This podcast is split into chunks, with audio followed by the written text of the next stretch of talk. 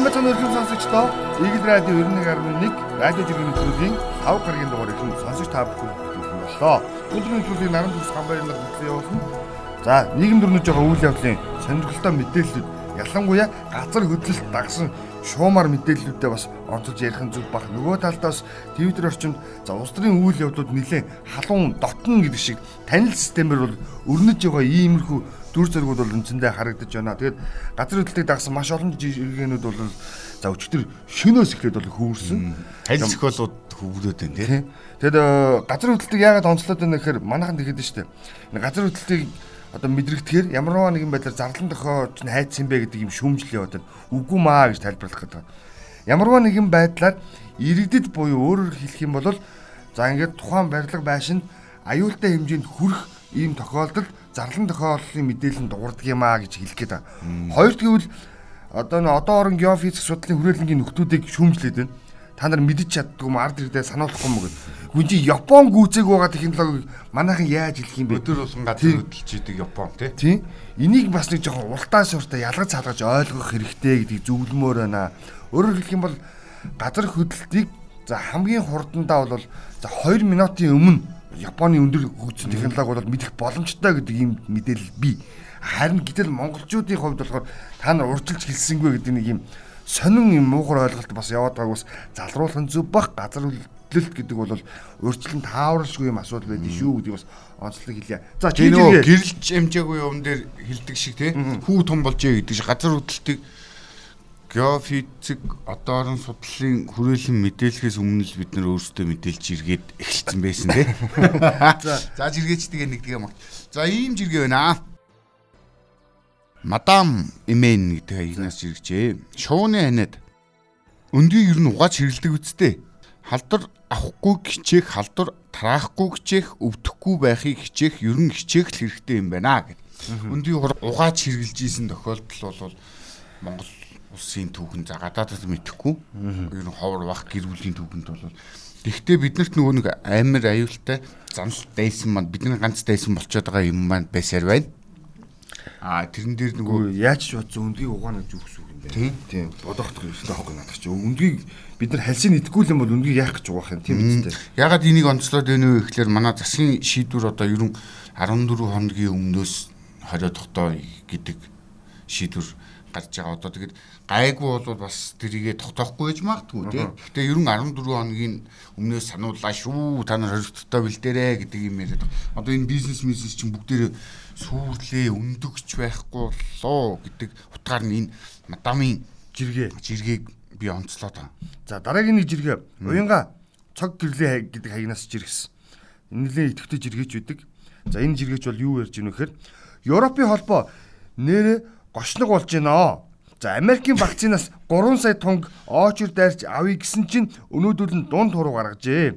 Энэ вакцинаас болж хоорондоо муудалцах үедээ энэ том гүрнүүд Меркел лав амиа бодоод Оросоос Спутник аавн гिचлээ гэд бичсэн. Тэгсэн чинь хариулт нь Германууд цагийн нислэгээр Москва орж тариулаад буцаад байгаа. Хил дээр бүүн асуудал.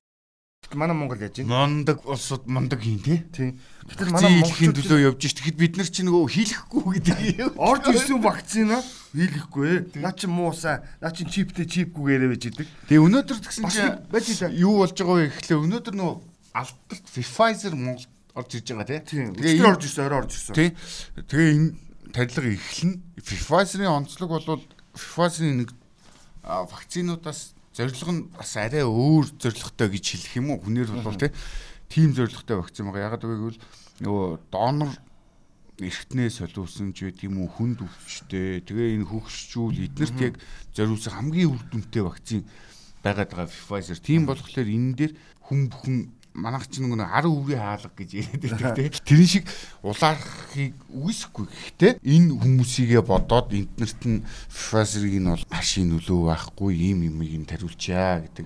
Тэрэн дээр бити энэ нөгөө нэг дарга манай дарга нар чи их ядаргаад байна. Урдуур гүүгээд байгаарэ. Гүүгээд байгаарэ гэж сануулмаар байгаа. Иргэдч гүйж чаддгүй л дээ. Яагаад энэ хараад байна гэхээр нөхлөд ингэ л дээ. Манай дарга нар чинь нөгөө ямар нэгэн гимт хэрэгт холбогдохоор эрүүл мэндийн шалтгаанаар суллагчих гадаад төлөвлөл байдаг шүү дээ. Дандаа сахартай, бөөрийн өвчтөй, бараг л нөгөө нэг шамрамтай гэж арай хэлдэг бах.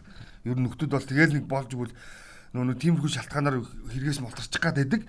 Яг энэ заалтуудаа барьж гүйж очоод би өстой үнэхээр амар өвчтэй гэж гүйж очоод нөгөө нэг жинхэнэ зорилт бүлэгтэй хийхээс өмнө төрүүлээд очиж шахуулчих үедээ л гэж имзэглээд байгаа. Өөр нэг асуудал хэлэх гээд байгаа зүйл бол Европын холбоо, Америкийн хооронд шилбэл энэ вакцинтай холбоотой асуудал ингээд үүсэд хүрэлцэхгүй байна гэж ярьж итэл манай уурхаачд бас асуудал үүсгэж байгаа ийм мэдээлэл жиргэн дээр гарч ирсэн. Төрөүний хаяган дээр дийжс цагаан хадан дээр тээвэрлэлт хийдэг жолооч нар хятад вакцин хийлгэхгүйгээд ажил хийж байгаа гэдэг нэг ийм сонин мэдээлэл гарч ирсэн. Би бүр итгээгүй. Тэгээ нэлээд уншсан чинь хэсэг жолооч нар бас нөгөө нэг тархиал угаалгацсан л байна л да. Одоо энэ хятад вакцин бол ерөөсөө өхөл төрөдөг барьдаг гэдэг нэг ийм нөхдүүдийг тийм ямар мэдээллээр хангацсан юм шиг нэг нөхөр очоод. Тэгэнгүүт нөхдүүд бидэрт одоо хятад вакцин хийх гэлээ гэж орилоод ажил хийхгүй энэ төр гэж асуудал үүсгэсэн гэсэн мэдээлэлээ. Тэгээд магадгүй цагаан хадан дээр ажиллаж байгаа тэр жолоочныг таньдаг хүмүүс магадгүй битэрийн яриаг сонсож байгаа бол хэлээ. Дэлхийн улс гүрнүүд ямарваа нэгэн байдлаар вакцин олдохгүй наа чинь өөр хоорондоо би аав чи аав надад хүрэхгүй байна гэж яхад бид нар ингээд орж ирсэн вакцина өөр хоорондоо голч хийлгэх те хийлгэхгүй гэж ярих чинь өөрөө зүүд нийцэхгүй юм байна шүү гэж хэлэх гээд байна. Цөөхний давуу тал байгаад байна те. Тэгээ дээр нь хятад улс нөгөө вакцин тариулж байгаа болон энэ хүмүүст тусгай хөнгөлт үзүүлнэ гэдэг өөрсдөө өчтөр мэдэгдсэн те. А тэр нөгөө хилээ чөлөөтэй нэвтрүүлэн дээр нь ийм ийм тээврийн хөнгөлт ийм юм үзүүлнэ ийм ийм үзүүлнэ ийм үзүүлнэ гэдэг ингээд Ундаг ингээд том улсын том юм шал өөр л байна л да. Манай монголчууд ч бол цөөн хамтаг манай сая төгсөө хэллээ штэ. Давуу тал гарч ирээд байгаа хөөх.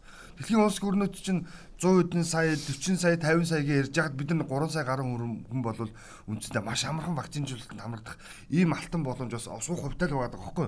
Гэтэл түүнийгээ бид нар ингэж сөрөг байдлаар ашиглах нь өөрөө бас хэр зохистой юу гэж. За дараагийн нэг сонирхолтой жиргэн бид нар чинь одоо манахаас илүү хүн өнгөрчөөд ш дэлхийн нийтэд бол манад бол нэг дөрөв тохиолдолт гэл ингээ яриад байдаг тий. За надад нэг юм бас сонирхолтой жиргээ байна. Энэ тамхигүй эмнэлэгт нийтцгээ гэдэг хаягнаас. Гэтэ энэ хаягны эзэн бол Баттар гээд сая хөсөөтийн дараагаар шинээр томилогдсон залуу байдаг. Боловсралтай залуу байдаг. Энэ хүн жиргсэн байсан. За эрүүл мэндийн байгууллагууд амбулатороор үйлчлүүлэхэд PCR нэхэхгүй гэсэн. Тэгсэн чинь доотлолт маш олон тийм сэтгэлүүд орж ирсэн. Аштай юу да. Иргэд болохоор үгүй ээ эмнэлэгт очиод үйлчлүүлээд үзүүлээ ч гэдэг юм ямарваа нэгэн ковидоос өөр өвчний шалтгаантай иргэд маш одоо амьдрал үргэлжилж байгаа шүү дээ амьдрал баян өөрөө. Тэгээ маш олон шалтгаанаар очиод ингээд эмнэлэгт үзүүлэхээр өөдөөс нь PCR нэгтдэг. Ямарваа нэгэн байдлаар хүний бие муудаад эмнэлэгт хүргэгдээд өгөөд нөө нэг сахиурна. За ингээд очиод үйлчлүүлээ одоо юу гэдэг одоо харж хандах гад ингээд байхаар заавал PCR нэгтдэг юм асуудал үүсэж байгаа. Мэдээч хэрэг тухайн хүний эрүүл мэндийн нөхцөл байдлаас шалтгаалаад ихний шатны үйлчлэгийг бол PCR-гээр ямар нэгэн байдлаар явуулна шүү гэдэг ийм юм ойл. Манай эрүүл мэндийн байгууллагууд гэсэн аль болох иймэрхүү хүн цогтлоос одоо жишээлбэл татгалзаарай тий. Тухайн хүн удаан хөвтөн имжлүүлж байгаа бол тэр PCR-ыг авдаг юм байгаа. Харин амбулаторийн үйлчлэгээ үзүүлэх хүн болгоноос PCR нэхнэ гэдэг бол нөгөө талдаа нөгөө иргэдийн бохимдлыг төрүүлэх бас нэг юм үүсгэр байх шүү гэж онцгой гомс нөгөө нэг өнгнүүдээс гадна эрүүл мэндийн салбар тусгайлан бодлого өөр бодлого хэрэгжүүлмээр юм шиг байна. Миний танил ойр дотны хүний ээж нь хөл хорионы үеэр эмнэлэгт очиод хүнд өвчтэй. Тэгээд тэгсэн чинь юу утсан бэ гэхлээр эмчлэгч нар эмчтүүд байхгүй ганц өвлөгчтэй бусд нь бүгд нөгөө нэг ажиллагаанд халдвар халдвартай хүний дам хөвтөлт болцсон. Тэгээ бүгдээрээ тусгаалтанд орсон. Ийм шалтгаанаас болоод тэр хүн эмнэлгийн тусламж авч чадахгүй байсаар гад өнгөрсөн. Ийм тохиолдол гарсан. Бид нар энэ ковидоос гадна зөндөө ихийн сайхан хүмүүсээ өөр өвчний улмаас амар их алдчихж байна. Одоо бид нарт ковидоос хайхгүй байна гэх нь хайшин. Гэхдээ бид нар одоо энэ эрүүл мэндийн салбартаа арай өөр анхаарал төвлөрөхгүй болол энэ имлгүүд чинь одоо нөгөө нэг халдвартай тохиолдол энэ төр гээд ингээд хаагаад ингэ явсаар гот нөгөө өөр байшгүй эмнэлгийн тусламж үзэх шаардлагатай үзүүлэх шаардлагатай яаралтай хаалганд орох хэвээр энэ хүмүүсүүдийг бид нэр сэтүүлэх юм аюул түргээд байна. Тийм болохоор энэ дээр арай өөр барьээч гэж хэлмээр зүйл. Тэгээ наадах чинь зүгээр яг тодруулаад өгсөн. Ийм ийм асуудал байна. Надад одоо нэг жиргээ одоо байгаа. Энэ болохоор цан дэлэг гэдэг нөгөө тариалан чинь нөгөө морь уяач нөхрийн жиргээ байгаа. Яг юу хэлж ийнэхэр газар тариалан талхаа тарихгүй юм уу? орон нутгийн бүх зам хаалттай. Засар үйлчлэгээ, хаврын ажил яг яах юм бэ? Хүн сүдэ аж ахуй хөнгөн үйлдвэрийн яамнаас амьд хүн байна уу? Сонгуул ярьсан дарга нар талах итгэ болцсон юм уу? Энэ Монгол улсад эзэн байна уу гэж. Яг чиний саяны хэлсэн жиргээ, саяны хэлсэн жишээ энэ цандилгын жиргээ энтрийг аваад үзэх юм бол бид нар давхар ажлыг хиймээр байгаа байхгүй. Ковидоос өөр бусад үйл ажиллагаанууд явах хэвээр, амьдрах хэвээр, Улаанбаатар хотын бусад үйл явдал эдийн засаг хөгжих ёстой, иргэдийн амьдрал үргэлжлэх ёстой. Бүх юмыг ковидоор халахвчилж болохгүй гэж хэлээд байгаа. Яагаад энэ асуудлыг яриад байна гэхээр сүүлийн үед Улаанбаатар хотын дарга Сумын базарыг нэлээд муулж байгаа харагдсан. Гэтэ би бол Сумын базар даргаыг өмөрөөгүй шүү зүгээр нийлэм хэлэх гэдэг. Сумын базар гэдэг хүн болохоор яг Улаанбаатар хотын нөгөө нэг бусад үндсэн ажлуудыг хийе гэд зүтгээд байгаа яриад яваад байгаа. За одоо Сумын базарын тэр нөгөө ноктор ажиллахгүй байна гэдэг шүүмжил болохоор Чингис гэдэг хүн томилогдсон. Тэр хүн ажиллах хэрэгтэй байхгүй. Жишээлбэл оюун эрдэнэ гэдэг хүн Монгол улсын ерхий сайдаар томилогдчод Монгол улсын бусад эдийн засгийн асуудлыг бусад нийгмийн хөгжлийн асуудал дээр анхаарал хандуулад явж байна. За харин амар сайхан гэдэг хүн бол үндсэн буюу он ковид тэмцэх энэ улсын онцгой комиссийн ажил хариуцсан ажиллаж байна тийм үү. Тэгвэл Улаанбаатар хотыг одоо тэгж хараач яа гэж хэлэх гээд байна. Чингис гэдэг хүндэнд асуудал энэ яриач. Ног ажиллахгүй байна гэдэг альбан тушаалууд тодорхойллоо шүү дээ. За энэ шадар сайд гэдэг хүний альбан тушаал бол энэ яаралтай шуурхай арга хэмжээ авах энэ бүх юмыг зохицуулдаг хүн бол ийм хүн байд юм байна аа тий. Эдгэл юм Содбаатар амар сайхан гэдэг хүмүүсээр тодорхойллоо шүү. Илүү тод харагдаж штэ. Тэгвэл яг одоо энэ одоо энэ өчтөр одоо ингээд соёлын сайдын нөхөр гихж байгаа залуу ингэж иргээд янз бүр ингээл ингээл иргээл одоо засгийн газрын болоод байгаа уу яагаад байгаа мэдэхгүй тий. Гэтэ гэр доторх асуудлыг ярьчихээ хооронд ингэж хүмүүсийг ингэж янз бүрээр ингээд байгаад байгаа ийм өвдөлт сонир санагдаад байна. Тэгээд дээр нь энэ цанд дийлэхгүй одоо энэ тариаланчдын одоо энэ хамгийн том төлөөлөл нь цанд дийлэг те Чимбат гэдэг хоёр хүн байгаад байдаг. Тэгээ энэ хүмүүс хавар болохоор нэг итвчдэг, юм ярьдаг. Тэгээд ингээд засгийг шүмжилдэг. Гэтэл одоо энэ талхны асуудал дээр гэх чинь нөгөө өгөөжийн түмэн гэрэл түмэн гэрэл маань хайчив те. Цэнгүүн гэдэг нөгөө алтан тариагийн хүн хайчив те. Эднэр чив чимээгүй ажиллаа хийдэг. Тэгэхэд нөгөө нэг төрөөс ингээд дандаа тижээгдээд юмыг авдаг, хүртдэг. Тэгчээд нөгөө нэг сүулдэ хамгийн том Монголын одоо энэ газар тариалангийн хүн гэж ийсэн Чимбат гэдэг хүн маань тий баах нөгөө нэг сангуудыг бүх охин компаниудаараа авцсан гэдэг нэг асуудал гарч ирсэн тий. Тэгжсэн сүулдэ За за би энэ салбараас татгалзлаа. Тонирсан чинь ерөнхийлөгч шагнаж байгаа юм шиг те шагнасан те хөдөлмөрийн баатар өгч явах жишээний бид нар одоо ийм юм ал болмоор байна өө тэгээ одоо энэ зүв зүгээр амьдарж байгаа ажлаа аваад өөр олон хүмүүсийг тижээж байгаа энэ бизнесмэнүүдтэй жоохон зөвөр хандмаар байна л гэж хэлэх гээд. За надад нэг ийм жиргэн гацууртын чин бат гэсэн чинь айконыхын жиргэжсэн мэс. Соёлын сайд номин ховц дизайнеруудын төлөөлөлтөд уулзаж соёлын бүтээлч үйлдвэрлэлийг хөгжүүлэх стратеги төлөвлөгөөний төслөө танилцуулжээ. Би энэ соёлын сайд хийх ажил олохгүй нь бол гэж би хараад байна. Гөө хийх ажил олж байгаа юм шүү наад хүн чинь гүйгүй байж ийм байхгүй юу? Ямар шалтгаантай вэ гэхээр энэний өмнөх уулзалтанд санаж уу? За дандаа уран бүтээлчдийн төлөөлөлгээд өөрийнх нь телевизийн контент хийгдэг нөхдүүдтэй уулзчихсан. За хоёр дахь уулзалтанд гэсэн чинь ингээд дизайнерт уг нь соёлын сайд арай өөр юм ярмаар байна Гэхдээ би нөгөө нэг ажил олж байгаа юм шүү гэдгийг бодлого тэр нь болохоор нөгөө нэг телевизийнхаа арын албаны юмыг зохицуулах га яваад байгаа хүн юм шүү над хүн чинь. Тэгээд магадгүй тэгэж бодсон тийм.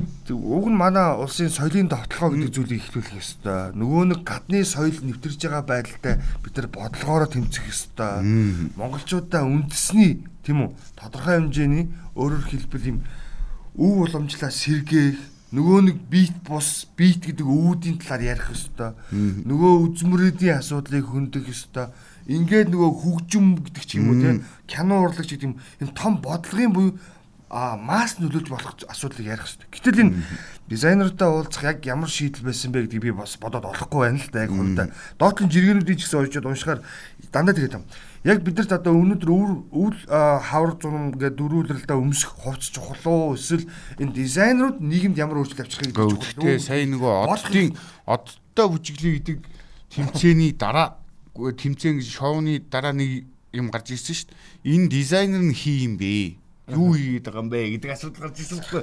Хүмүүс дандаа тийм шүмжил тэр шоуг дагсан шүмжлүүд өрнөдөөс тэгээд тэрийг янзлах яваад байгаа юм шүү надад хүн чинь. Магадгүй магадгүй тэгээд өөртөө л хамаатай. Гэтэл чи одоо энэ соёлын сайдтай холбоотой хийх ажилтай нь холбоотой Тэгээд энэ бидний нөгөө яриад байдаг хүний эрх эрхчлөө хүүхд хамгаалалтай холбоотой энэ туяа гэдэг шин туяа гэдэг аягнаас жиргсэн байна. За. Солонгост 10 жилдээ ялгуурлан гадуурлалт хийж хүүхэд дээрлэгдэг байсан одуудыг гიშг газаргүй байгаа гэсэн манад 10 жилдээ тийм үйлдэл гаргавал ирээдүйн бүрхэг гэдгийг эргээр нь хийж ойлгуулмаар болжээ. Энэ хүүхдүүд нэг нэгнээ дээрлэгэж доромжиж юм хэрээс хитэрлээ гэдэг.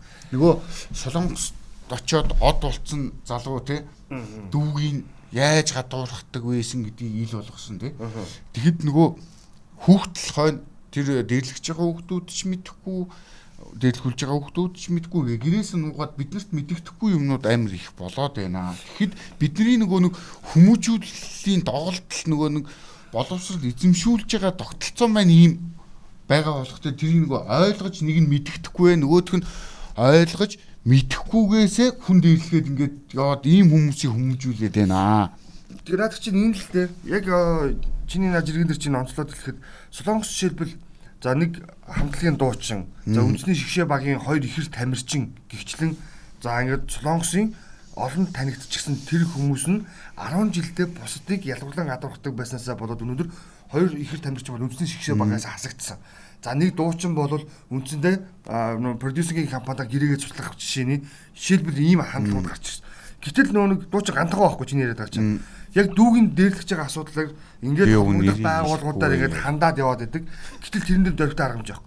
Гэтэл одоо манай ерөнхий боловсролын сургуулийн хүүхдүүд яагаад бие бинийгээ дээрлэж байгаа гэдэг вэ гэхээр ерөөсөө кино. Нөгөө нь бидний үзэж байгаа солонгос кинон дээр буюу өөрөөр хэлэх юм бол Азаас орж ирж байгаа кинон дээр ингээд сургуультай ингээд юм бүлгэлдэг тэгээ бусдыг дээрлэгдэг, ялгарлан гадуурхдаг ямарваа нэгэн байдлаар одоо тухайн хүүхдийг мөнгө авдаг, чихэр авдаг ч гэдэм үү те. Ямарваа нэгэн байдлаар гадуурхалт хийдэг тэр хүүхдэд. Ингээд сэтгэл зүйн хувьд бол тэр хүүхд асар хүнд байдалтай болдог нэг юм асуудал үүсдэг. Нөгөө талдаа Монголд нэг жишээ гарч ирсэн. Хөдөө сурдаг малчин айлын хүүхэд маргааш хичээлэн орно гэж яхад урд шүн амиа оруулчихсан юм тохиолдол гарч Одоос хэдэн жил юм. Тэгээд энэ яагаад болж исэн бэхээр эргээд сургуультай буюу дотор байранд очиж сурахаар хүүхдүүд тэрийг дээрлэгдэг, ялгарлан гадуурхдаг байдлаас болоод тэр байдлыг тэр хүүхд дахиж тийм орчинд очимооргүй байсан учраас эцэгтэй хэлж чадахгүй, түүнтэй ямарваа нэгэн байдлаар багш нартайгаа зөвлөж чадахгүй нөхцөл байдлаас үүсээд тэр хүүхд амиа орлсон юм харамсалтай тохиолдол гарч ирсэн. Тэгэхээр манай соёлын сайд Одоо тийм батын номин биш үү те яг энэ асуудыг жишээлбэл шүүрч байгаа. Ярьж явах хэрэгтэй. Одоо бид нар соёлын бодлого өөр ямар байх хэвтэй. Тэр Азаас орж ирж байгаа канонууд чинь бидний хүүхдүүдийг ингэж хүмүүжүүлээд байна гэдэг асуудлыг ярих хэрэгтэй болохоос бид нар дизайнеруудаа уулзаад явах хэрэгтэй биш.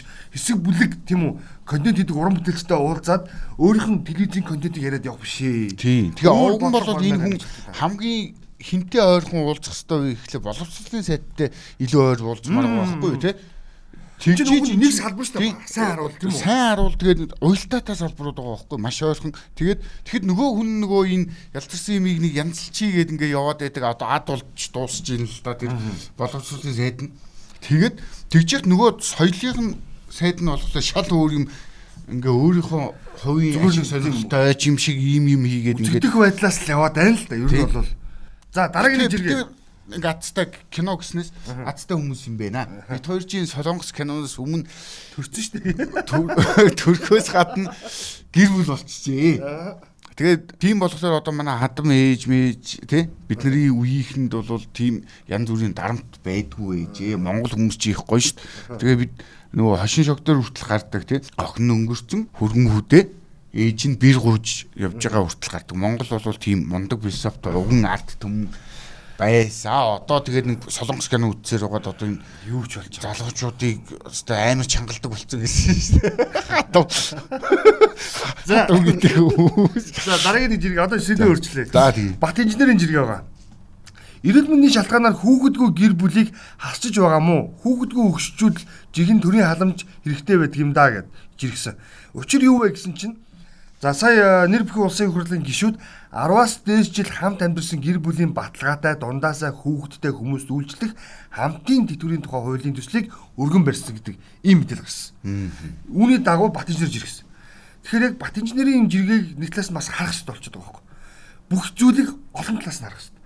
Магадгүй нөгөө нэг заллин хийж байгаа хүмүүс те бид ингээд олон жил амьдэрсэн одоо энэ хүн маань нас урцсан гэдэг ч юм уу шалтгаанаар тэр хүний тэтгэврийг авах гэж үгүйсэхгүй. Энээс хамгаалсан юм заалт оруулсан баг.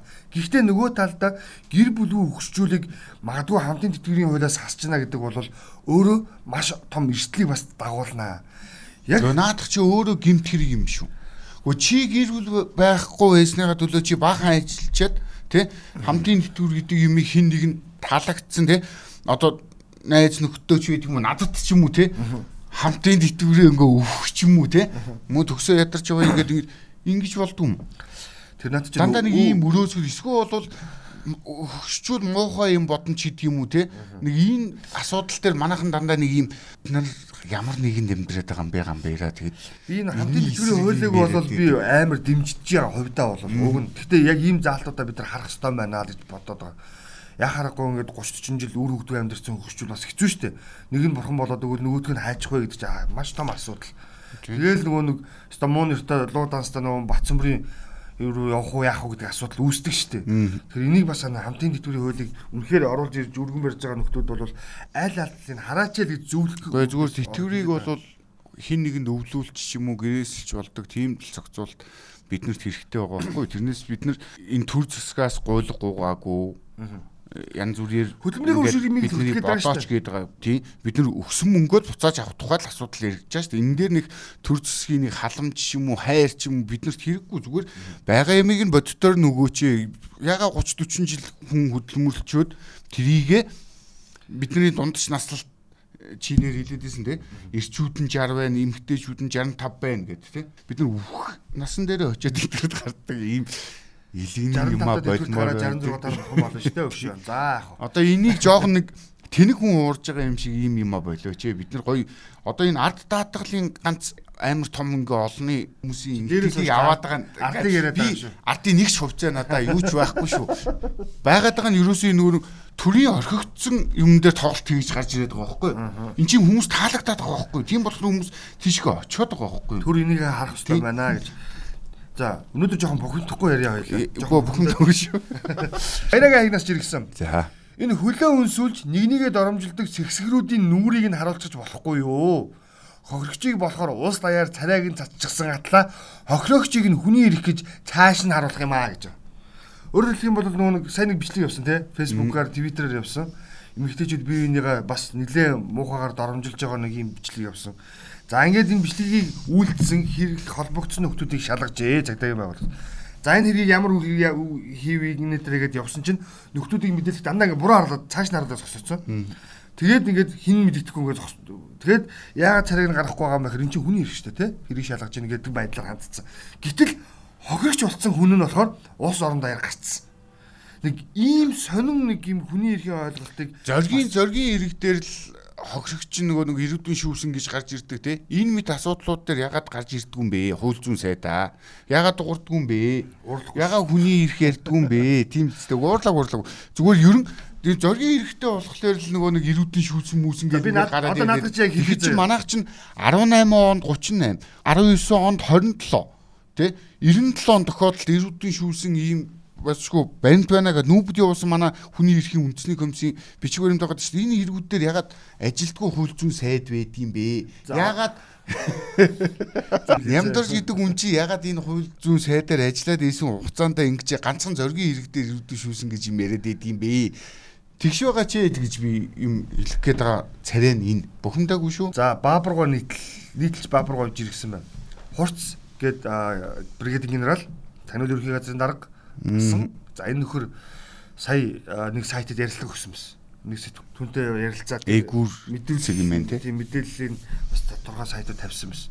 За ингээд ярилцлага бол нэлээд тийм яг хуу сонирхож уншиж байгаа хүмүүст бол сонирхолтой байсан баг. Тэр ярилцлага уншсан баабургаж иргсэн баг. Хурц гүйцэтгэх ажиллагааны материал ухдаг, задалдаг энэ нэг муухай юм одоо зогсоох ёстой гэдэг үгийг онцолцсон баг. Тэгэхээр энийг бас хоёр талаар нь харах хэрэгтэй болчиход байгаа. Бас дахиад хэлье те. Бүх юм хоёр талтай. Нэг талаа зөв. Чиний хэлж байгаагаар буюугүй ямарваа нэгэн хүний эрхийг зөрчиж байгаа те. Бусдад ямарваа нэгэн байдлаар хохирч болж байгаа хүмүүсийн мэдээллийг ингэж гаргаж байгаа бол зөв. А гэхдээ нөгөө талдаа ямарваа нэгэн улс төрийн ашиг хонжоо хайх зорилгоор гүйцэтгэх ажиллагааны талаарх төрийн байгууллагын үйл ажиллагааг бүр хит ингэж олонд хаях нь бол бас нөгөө талдаа төр өөрөө бүр хүчгүй болдог.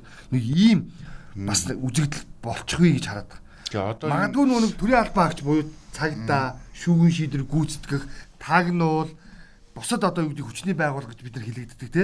Энэ хүмүүс маань ажил мэргэжилтэд дургу болох те. Хандлага эндээс гараад ирэх үедээ гэдэг бас нэг айц байгаа даа гэж хэлэх гээд байгаа. Задлаа. тэгээ одоо энэ үндсэндээ гурван засаглал байгаа даа шүү дээ. Хууль тогтоох засаглал, гүйцэтгэх засаглал, шүүх засаглал гэх тийм.